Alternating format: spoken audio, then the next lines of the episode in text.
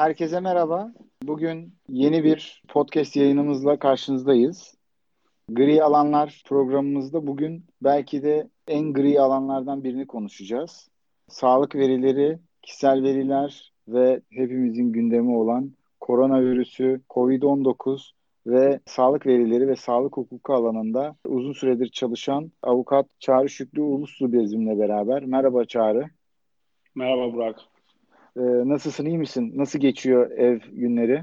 İyidir. İşte evde kal dedik. Biz de evde kaldık. Ve böyle programı da evde yapmak e, benim için de bir tecrübe oldu. Demek ki dışarı çıkmadan da hayat devam ediyor. Onun Kesinlikle. için mutlu oldum yani böyle bir uygulamada yaptığımız için. Kesinlikle. İleride hani bu podcast'imizi merak edip dinleyenler olursa bu podcast'i korona e, virüsünün salgınının yayıldığı günlerde yaptığımızı Ondan sonra ve evde kal anonsuyla hepimizin evde kalıp bütün işlerimizi evden yapmaya çalıştığımızı tarihe not düşüyorum bu podcastle beraber. Evet, biz, bizim de içinde güzel bir anı olur. Evet kesinlikle. Yani ee, durum ben... kötü ama anı güzel olur. Öyle diyelim. Tabii tabii durum şöyle kötü. Çin'de başladı tabii ki bu salgın. Daha sonra birçok ülkeye yayıldı. Önce uzak doğu ülkeleri başta olmak üzere. Sonra Avrupa'ya geldi ve şu anda çok coğrafi olarak yakın olduğumuz İtalya, İspanya gibi ülkeler artık virüsün merkezi haline geldi. Şimdi Amerika Birleşik Devletleri de bununla mücadele ediyor. Türkiye'de de vaka sayısı her geçen gün artıyor. Ee, ve ben de Gri Alanlar programında bununla alakalı bir podcast yapmayı uygun gördüm. Sen de sağ ol, çok teşekkür ediyorum davetimi kabul ettiğin için. Rica ederim. Ben teşekkür ederim böyle programa benim aklıma geldiğin için. O zaman öncelikle seni bir tanıyalım. Yani nasıl bir background'un var? Bize bir küçük bir kısaca anlatır mısın kendine? Tabii avukat Çağrı Uluslu ben. İstanbul Kadir Has Üniversitesi'nde lisansımı tamamladım. Daha sonra yine İstanbul Kadir Has Üniversitesi'nde e, özel hukuk alanında yüksek lisans yaptım. Daha sonra da İstanbul Medipol Üniversitesi'nde sağlık hukukunda doktora programında şu anda tez aşamasındayım. Şahane. Şahane. Aynı zamanda da İstanbul Barosu Sağlık Hukuku Merkezi Başkan Yardımcılığında devam ediyorum. Süper. Şahane. Ee, ben de eminim ki bu podcast sırasında senden çok şey öğreneceğiz. Ben her zaman programlara davet ettiğimiz bu üstadlarımız, e, meslektaşlarımızdan program sırasında çok ciddi bilgiler ediniyorum. Eminim dinleyiciler de bir o kadar bilgileneceklerdir. Şimdi yani biz bu virüs meselesini sabahtan akşama kadar konuşsak herhalde bitmez. Değil mi? Kesinlikle. Zaten bütün hangi kanal açsan, hangi programı açsan sabahtan akşama kadar bunu konuşuyorlar. E, işin psikolojik etkileri, işin tıbbi etkileri, işin ekonomik etkileri vesaire konuşulurken evet. tabii ki biz de kendi konumuz olarak işin kişisel veriler hususundaki etkilerini konuşacağız. Benim e, önümde birkaç tane notum var. E, ama öncelikle yani her şeyin başında konumuz sağlık verileri değil mi? Ve evet, bu kesinlikle. KVKK özelinde sağlık verileri zaten normal hayatta da e, gündelik hayatta işleniyordu bir şekilde işverenler işliyordu. E, bu işi yapan merkezler, hastaneler, e, hekimler işliyordu. Fakat onlar belli bir kanuni çerçevede yapılıyordu ama şu anda sanki biraz ekstrem bir durum var. Ondan dolayı öncelikle bir sağlık verileri ne anlama geliyor? Bize bir böyle bir KVKK açısından değerlendirebilir misin? Aslında ilk başta senin dediğin gibi her şeyin öncesi sağlık verisi değil, her şeyin öncesi aslında sağlık deyip çok kısaca bir sağlığın tanımını yapalım mesela. Tabii ki. Dünya Sağlık Örgütü de mesela nasıl yapmıştır sağlığın tanımını? Sağlık işte sadece sakatlık ve hastalık hali değil. Fiziksel, ruhsal ve sosyal tam bir iyilik hali olarak tanımlamıştır. İşte bu kapsamda baktığımız zaman da bize sağlık verisini işte kişinin fiziksel ve ruhsal sağlığına ilişkin her türlü bilgiyle kişinin sağlık hizmeti e, sunucu sırasında kişiyle alakalı elde edilen tüm verilerine sağlık verisi diyebiliriz. Evet. Yani bu kapsamda hani sağlık e, tanımından yola çıkarak e, sağlık verisini tanımlamamız daha isabetli olacaktır o şekilde. Ve kanunumuzda da zaten yani KVKK açısından sağlık verileri tanımlanmış değil. Ondan dolayı böyle bir tanımlama yapmak gayet güzel oldu evet. bence. Zaten tüm baktığımız zaman sağlık tanımıyla alakalı her atıf genellikle Dünya Sağlık Örgütü'ne yapılmış. Güzel Hı-hı. bir tanım yapmış. Doğru. Yani o yüzden hani e, ben de mümkün olduğunca bu tanımı kullanmayı seviyorum. Peki bu sağlık verilerini bizim KVKK'da 6. maddede özel nitelikli kişisel veriler sıfatında sayılmış verilerden evet. bir tanesi. Çok normal hayatta yani normal hayatta derken şu anda pandemiyle boğuşan bir dünya olduğu için normal hayat diyorum. Ee, yoksa hala hayatlarımız normal bir şekilde devam ediyor. Hayat devam ediyor değil mi? Doğru. Evet hayat devam ediyor ama mesela KVKK'nın 6. maddesinde bu özel nitelikli kişisel verilerden bir tanesi olarak sayılmış ve sonraki 3. E, fıkrasında da bir istisnaya tabi tutulmuş. Bu da sağlık ve cinsel hayata ilişkin kişisel veriler ancak kamu sağlığının korunması, koruyucu hekimlik, tıbbi teşhis, tedavi, bakım hizmetlerinin yürütülmesi, sağlık hizmetleriyle finansmanın planlanması ve yönetimi amacıyla sır saklama yükümlülüğü altında bulunan kişiler ve yetkili kurum ve kuruluşlar tarafından ilginin açık rızası ağlanmaksızın işlenebilir. Şimdi burada çok önemli bir maddenin içerisinde çok önemli bir kelime var. Sır saklama yükümlülüğü altında bulunan kişiler. Sen bu işle ilgilenen sağlık hukukçusu birisi olarak bu sır saklama yükümlülüğü altta bulunan kişilerden kasıt nedir? Yani bunu bir bize anlatır mısın? Şimdi e, sağlık hizmeti sunulurken tabii sağlık hizmetini kim sunuyor? Biz tabii biliyoruz ki 1219 sayılı kanun kapsamında sağlık hizmeti hekimler tarafından sunuluyor. Evet. Ve hekimlerimiz de görevlerini icra ederken meslekle alakalı edindikleri bir takım sırlar vardır. İşte tıbbi deontoloji nizamnamesinde de geçtiği üzere hı hı. burada sır saklama yükümlülüğü altındaki bulunan kişi sağlık hizmet sunucusu olan hekimler yani sağlık meslek mensupları olarak evet. isimlendirebiliriz. Yani burada sır saklama yükümlülüğü altında bulunan kişiler, tıbbi müdahalede bulunan hekimler ve sağlık personeli yetkili kurum ve kuruluşlarda tabii ne oluyor? Sağlık hizmetinin verilmiş olduğu kurum ve kuruluşlar tarafından işlenebilir. Yani aslında bu, bu hekimleri zaten... kulak yani tersten gösterme gibi bir şey gibi geldi bana. Değil mi? Yani hekim evet, demeden o... hekim demeye çalışmak gibi evet. bir şey sanki. Ya şöyle bir şey var aslında. Burada şundan şimdi hekim dediğimiz zaman hani bizde şey vardır ya sınırlama biraz zora sokar. Yani evet. Genellikle sır saklama yükümlülüğü olan kişiler mesela hekimler dediğimiz zaman aslında tıbbi müdahalede istisnai olsa da mesela hemşireler de tıbbi evet. müdahalede bulunabilir. Veya mesela paramedik personeller de sağlık destek sağlık personeli değil mi? Evet yani onlar da çok kısıtlı da olsa onlar da hani sağlık hizmeti verebilir. Bu bakımdan aslında hani sır saklama yükümlülüğü altında bulunan kişiler ifadesi bence daha mantıklı, doğru olmuş. Evet, hani hekimler evet. dediği zaman biz biliyorsunuz bizim toplumumuz hani eleştirmeyi çok sever. Ee, onun için doğru. hani burada bu şekilde ifade kullanması bence daha doğru olmuş. Yerinde bir yani. ifade. Şimdi e, tabii ki bu işleme yani burada hukuka uygunluk hali yani sağlık verilerinin işlenmesinde nedir? Ya açık rızadır. Kişinin açık evet. rızasının alınmasıdır. Aynen. Burada da e, açık rızada üç tane temel yapı taşı var. Bunlar bilgilendirme, spesifik bir konu ve de işte kişinin özgür iradeyle beyanını açıklaması. Ondan dolayı da kolay bir olay değil açık rızayı almak, almak zaten ve burada ondan sonra da diyelim. evet ondan sonra da zaten özel nitelikli kişisel verilerin işleme şartlarının altında da sağlık verileri sayılmış. Ama şu anda içinde bulunduğumuz durum biraz farklı bir durum değil mi? Senin de işaret ettiğin Dünya Sağlık Örgütü bu salgının e, şu anda artık durdurulamaz bir şekilde ilerlediğini, 11 Mart tarihinde bu işin bir pandemi olduğunu ilan etti. Pandemiler de 100 yılda bir gelen bir olay. Yani hani e, belki benim dedem e, bir pandemi görmedi. Babam yeni gördü. Ben ilk defa hayatımda böyle bir şey yaşıyorum. Yani 100 yılda bir bir olayın olması çok tamam. Matematiksel olarak 100 yılda bir deyip kolayca geçebiliriz ama 3 tane nesilden bahsediyoruz neredeyse. 3 nesilden biri mutlaka görmüyor. Yani çok ekstrem bir durum. Yani bu aslında kamu güvenliği, işte insan sağlığı, artık hangi üst değerden bahsediyorsak bahsedelim hepsinin korunması için yeterli bir gerekçe aslında. Evet. Fakat tabii Dünya Sağlık Örgütü'nün ülkelerin iç siyasetine veya iç politikasına direkt müdahale edebilme gibi bir hukuki kabiliyeti yok. Sadece tavsiye niteliğinde şeyler yayınlıyor. Ülkelerde bunları genelde uyuyorlar tabii ki sağlıkla alakalı olduğu için ama mesela burada evet bundan sonra ülkeler kamu sağlığına ilişkin hukuki enstrümanlarınızı kullanabilirsiniz. Buyurun gibi bir karar da verilemiyor. Bu bağlamda e, özellikle sağlık verileri de inanılmaz bir değer taşıyor. Yani kaç kişi enfekte oldu, bu insanlar nerede yaşıyorlar, bu insanların yaş grubu, cinsiyeti, yani insanların ırklarına kadar hatta bu sohbet yapıldı. Geçen gün şöyle bir konuşma geçti. İşte biz Türkler evet, or- e, bundan evet, etkilenmiyormuşuz, rahat evet, olalım evet. falan gibi. Maalesef evet.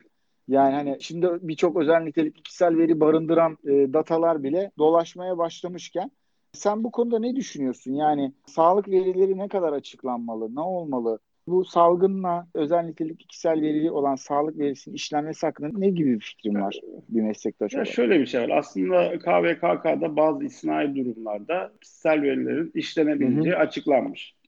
Bunlar nedir mesela? Bilimsel evet. araştırma yapılması için kişilerin istatistik olma halinde anonim hale getirme amacıyla yani burada gerekli tedbirlerin alınarak bilimsel amaçlı işlenebilir. Ya da bunun yanında bir başka 28. 28 madde. Evet, 28. madde. Evet. Mesela bir başka istisna ise mesela kişilerin resmi e, milli savunmayı senin dediğin gibi kamu sağlığını, kamu güvenliğini, ekonomik güvenliği, özel hayatın gizliliğini e, gibi durumlarda da burada e, kişisel sağlık verilerin işlenebileceği açıklanmışlar. Buradaki tabii şimdi şöyle bir sıkıntı var burada. Burada mesela kamu güvenliği diyor ya da kamu düzeni diyor. Sence kim koruması lazım mesela?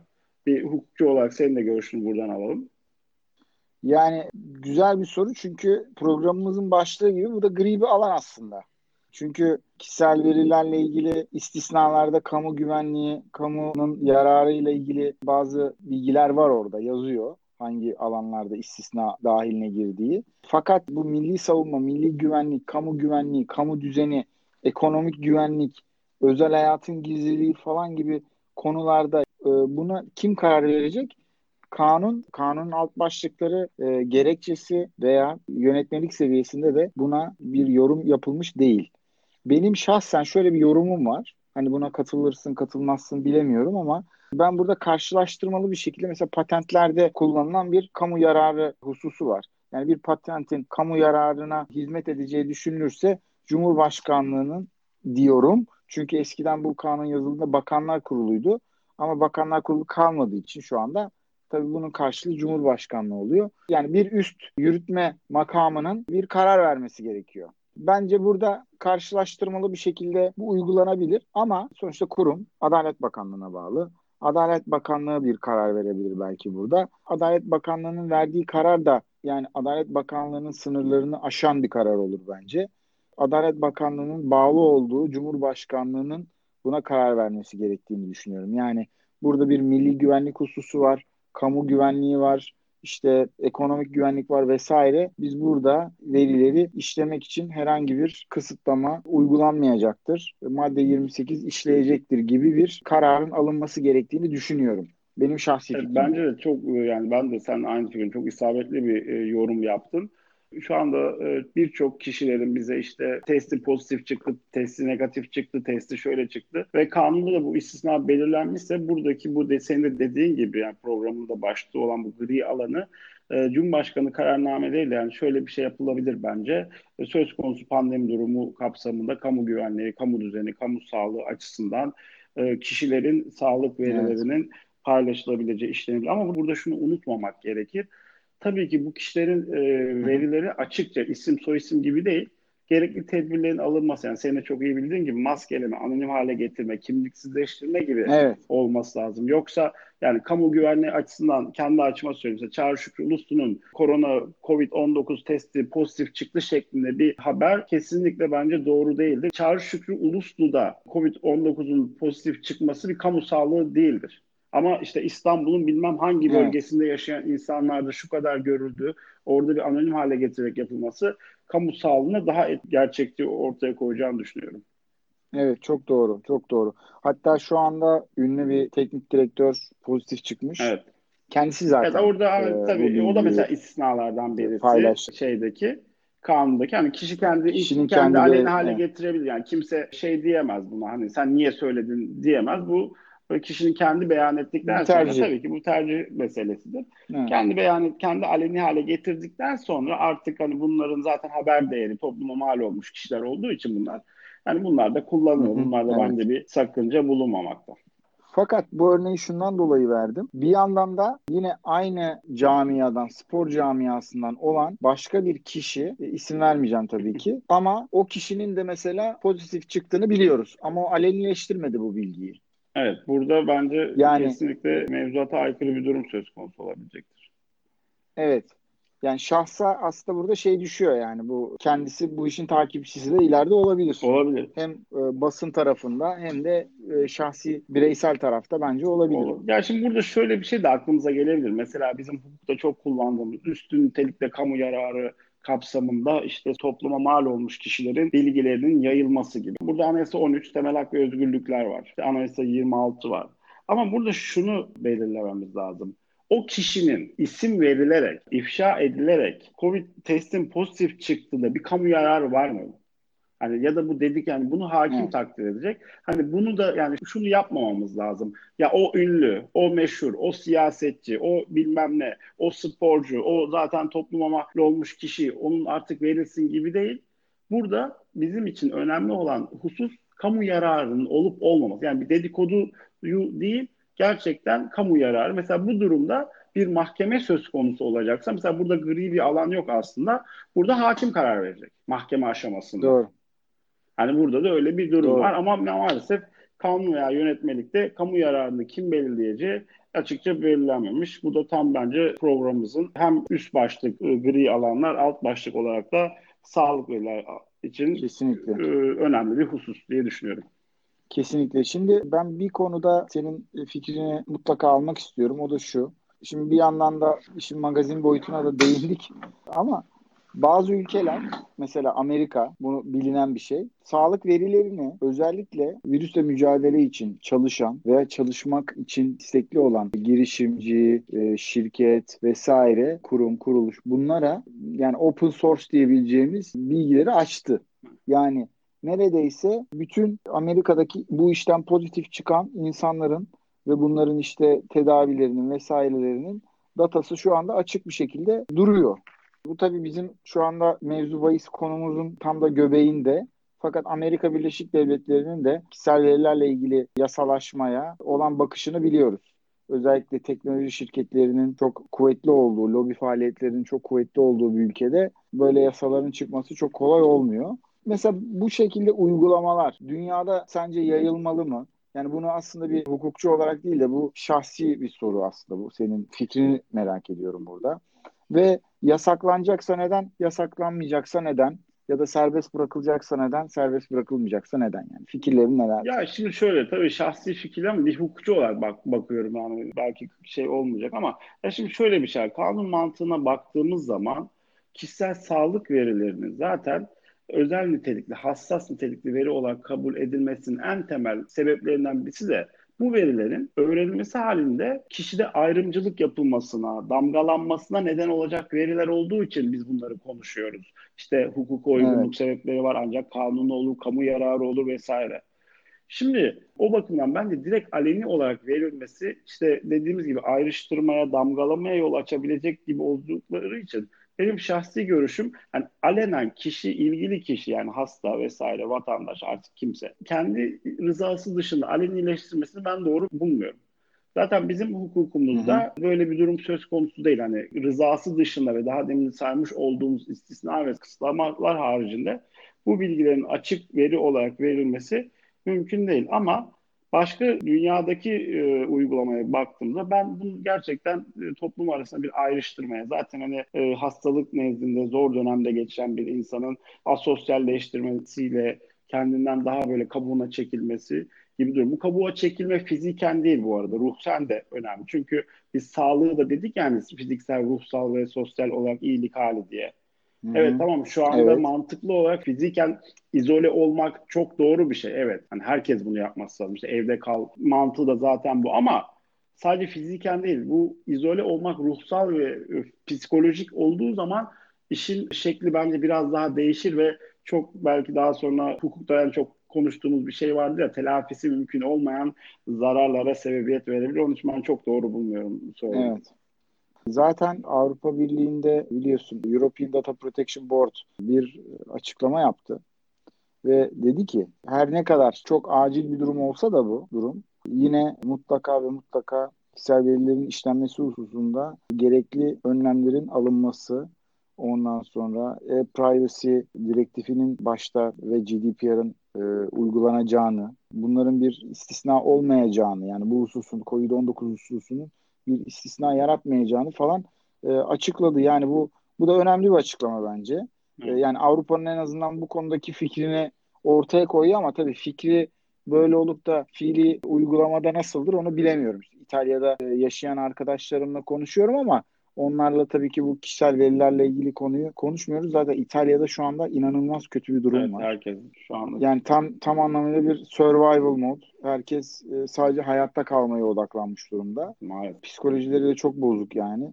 İnşallah bizim ülkemiz öyle olmaz. İnşallah. E, gerekli adımlar atılıyor gibi görünüyorum ama İnşallah halk da gerekli desteği verir bu konuda. Evet evet bugün 65 yaş üstü baktım da 410 kişinin gözaltına alındığını duydum. O da mesela çok enteresan bir şey. Gözaltına alıyorsun 410 kişiyi Türkiye'nin farklı yerlerinde büyük ihtimalle ama nezarete mi alıyorlar? Nasıl yapıyorlar? Ya da karantina mı uyguluyorlar? Evet, o, da, o da ayrı bir... Tek başına mı alıyorlar? o, o da ayrı, evet. ayrı bir işin evet. tarafı. 410 kişiden 409'u e, temizken, e, biri pozitifken, oradan çıkarken 410'u da yani oradan yani, çıkıyorsa evet, ne anladım ben bu yani, işten O da işin ayrı boyutu tabii. Ama gerekli önlemler alındığı zaman bence dünya olarak artık baş edebileceğimizi düşünüyorum. Yeter ki önlemlerimizi alalım. Şimdi işin tabii bir de şöyle bir tarafı var. Biz Avrupa'yı konuştuk, Amerika'yı konuştuk ama Türkiye'de de şöyle bir garip bir durum var. Aslında buna bir girizgah yaptık ama tam derinle inmedik. Şimdi biraz daha üzerinde konuşalım istiyorum. Türkiye'de tamam kişisel verilerin korunması kanunu işte özel sağlık verileriyle ilgili yönetmelikler vesaire işte kamu yararı vesaire bunları konuştuk. Fakat bir bakıyorum WhatsApp grubundan bir tane mesaj geliyor. Bir, o da sonuçta forward mesaj ha. yani. Kimden geldiği belli değil. Kaynağı belli değil bir yerde bir şekilde virüse temas etmiş ve şu anda pozitif olan birçok kişinin ismi, soy ismi, TC kimlik numarası vesaire cinsiyeti falan böyle bir mesaj geliyor. Ya bu nasıl oluyor? Ben anlayamadım bunu.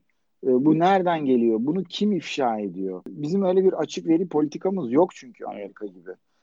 Bu konuda sen öncelikle bir fikri olarak sonra meslektaş olarak ne düşünüyorsun? Ve en sonunda da bu konuda hukuki sorumluluklar ne olabilir? Ne olmalı yani? Vallahi, İnsanlar ne yapmalı böyle bir şey başına gelen birisi? Ya şöyle bir şey var ya tabii ben hani yani bu şekilde bir ayrımcılığa neden olabilecek bir verinin kaynağı bile belli değil. Belki dediğin gibi doğru bile değil. Hani biz de biliyorsun açıklarsın sonra bizim toplum olarak Tabii. genellikle sonucunu Bayılırız şey yapmayız. Evet yani orada hatta birçok şey çıkar. iki dakika sonra bir mesaj gelir. iki dakika sonra yanlışmış diye mesaj gelir. Gerçeğini araştırmadan tabii gerçeği araştırmadan kaynağı belli bilmeyen hiçbir verinin zaten paylaşılmasını ben ilk başta hani insan olarak doğru bulmuyorum. Hadi diyelim ki kaynağı doğru paylaşılan veri yani gerçek bir veri. Hı hı. Bu evet. zaman ne olacak? Ya şöyle bir şey mesela dün eşim gösterdi ben bu sağlıkla alakalı ilgilendiğim için haber olan bir internet sitesinde e, kanserle alakalı bir vatandaşın bir bilgileri veriliyor. Ya e, Burak inanır mısın haberin içerisinde adresi yazıyor. Kişinin adresi. Wow. Ya da bir başka mesela wow. Türkiye'de bir Adalet Bakanlığı'na mensup bir kişi bir COVID-19 bu da konumuzla birebir alakalı olan sicil numarasından, adresinden, eşinden falan hepsinden veriyor. Yani bunlar gerçekten son derece talihsiz durumlar diye düşünüyorum. Çok, Olmaması çok gerekir. Evet. De- dedik işte bu peki paylaşıldı nasıl sorumlu olacak? Öncelikle şunu bilmemiz gerekir bizim. Kişisel verilerimiz, kişisel sağlık verilerimiz bizim özel hayatımız, mahrem alanımıza ilgili verilerdir. Hı hı. Bu kapsamda evet. zaten kişisel verilerin korunma kanununda işte suçlar ve kabahatler olarak ayırmış ve bunların e, kabahatlerde idari para cezası, suçlarsa TCK'da işte nedir? Özel hayatın gizliliğini ihlal, kişisel verilerin kaydedilmesi vesaire, verilerin hukuka aykırı ele geçirmesi gibi e, hapis cezasına, cezalara söz konusu olabilir. Bunun yanında aynı zamanda daha demin belirtmiş olduğum gibi bu veriler bizim mahrem bilgilerimiz, özel verilerimiz olduğu için burada bir kişilik hakkı da ihlal oluyor. Çünkü kişilik nereden evet. başlar? Kişilik haklarımız, bizim vücudumuz, bütünlüğümüz, sağlığımız, şerefimiz, evet. haysiyetimiz, ismimiz. Bunlardan bir tanesi de nedir? Bizim sağlığımız, sağlığımızla alakalı özel hayatımız. O açıdan WhatsApp'ta rızası dışarısında kişilerin bu bilgileri veriliyorsa ben şunu düşün, bir hukukçu olarak şöyle bir şey yapabilir. Bir zaten KVKK kapsamında idari ve diğer cezalara tabi olabilir. Bunun yanında aynı zamanda Medeni Kanun 24 ve devamında da belirtildiği gibi ilk başta böyle bir e, mesajın yayılmasını, bu internet ortamındaysa, yazılı basındaysa bunların durdurulmasını, kaldırılmasını talep edebilir ve daha sonra bu bir kişilik hakkı olduğu için de e, maddi ve manevi bir tazminat davasıyla karşı karşıya kalabilir. Bu asılsız evet. habere yayan, bu ihlale ortak olan herkes. Çok teşekkürler bu yorumların için. Çünkü bunlar çok değerli bilgiler. Neden? Şimdi hep işin test sonucunun negatif olduğu taraf için sanki düşünüyor gibi bazen konuşuyoruz. Bir de işin pozitif çıktığı kişiler de olabilir. Yani dediğin gibi parmakla gösterme durumu oluyor insanlarda. Ayrıştırma oluyor ve bu insanlar bazı haklarından yararlanamıyorlar, tecrit ediliyorlar. E, sonuçta bu hastalık öldürdüğü gibi çok yüksek oranda da e, tedavi edilebilir bir hastalık yani. Ondan dolayı insanları ayrıştırmanın da bir anlamı olmadığını düşünüyorum. Zaten KVKK da Kişisel Verileri Koruma Kurumu da bu konuda bir kamuoyu duyurusu yaptı. Ondan sonra çeşitli şikayet, ihbar geldiğini ifade ettiler. Sadece burada kurum biraz kendisini korudu. Dedi ki biz burada belli bir süreler var. Bu sürelerle ilgili çalışmalar yapılırken bize biraz zaman verin gibilerinden. Her bir başvuru, ya da veri ihlal bildirimi özelinde veri sorumluların uymakla yükümlü oldukları sürelerin değerlendirilmesi açısından kişisel verileri koruma kurulu tarafından içerisinde bulunduğumuz olağanüstü koşulların gözetileceği hususu kamuoyuna saygıyla duyurulur demişler. Yani ihbarlar, şikayetler, bunların yanıtlanması ya da kişilerden istenen savunmalardaki sürelerin değerlendirilmesi açısından sürelerin buna göre değerlendirileceği kurum tarafından yayınlandı. Aynı zamanda da insanlara buradan ilgili kişilere veri sahibi şunu ben anons etmek istiyorum. Kurumun artık internet üzerinden de şikayet bildirimi var. İlla kuruma dilekçe yazmanıza, postacıyla muhatap olmanıza gerek yok. Bilgisayarınızın başından da eğer bir ihlalle karşılaştıysanız bunu bildirebilirsiniz diyeyim. Çağrı çok teşekkür ediyorum. Ben teşekkür ederim. Bugünkü yayına katıldığın için. Ben gerçekten çok yararlı olduğunu düşünüyorum. Belki önümüzdeki günlerde bir ikincisini de yaparız. Seninle bundan sonra birçok program yapacağımızı Umarım. düşünüyorum Ben- şimdiden. Ben çok keyif aldım. Ee, Her ne kadar zor dönemlerde geçsek böyle doğru bilgiler, kısa bilgiler bu şekilde e, bence paylaşmak çok iyi. Çağrı tekrar teşekkür ediyorum sana bugünkü yayın için ve konuk olduğun için. Çok değerli bilgiler edindim ve dinleyicilerin de edindiğine eminim. Sana dinleyicilerimiz e, ulaşmak isterlerse nereden ulaşsınlar? Öncelikle ben de çok teşekkür ederim Burak. Gerçekten güzel bir keyifli gün oldu. En azından böyle keyifsiz zamanlarda bazen tadını çıkarmak gerekiyor sanırım. Dinleyiciler bana çagriulusu.gmail.com mail adresinden her türlü sorularını sorabilirler, iletişime geçebilirler. Ben de herkesin sorusuna ayrı ayrı cevap vermekte zevk duyarım. Çok teşekkür ediyorum. Ben de LinkedIn üzerinden mesaj, istek her türlü bilgiyi açayım. Çok teşekkür ediyorum tekrar geldiğin için, konuk olduğun için. Ee, Bir sonraki programda görüşmek üzere. Herkese selamlar, sevgiler, iyi dinlemeler. Ben de çok teşekkür ederim. Herkese sevgiler. Evde kal Türkiye diyelim. Kesinlikle evde kal Türkiye. Bay bay.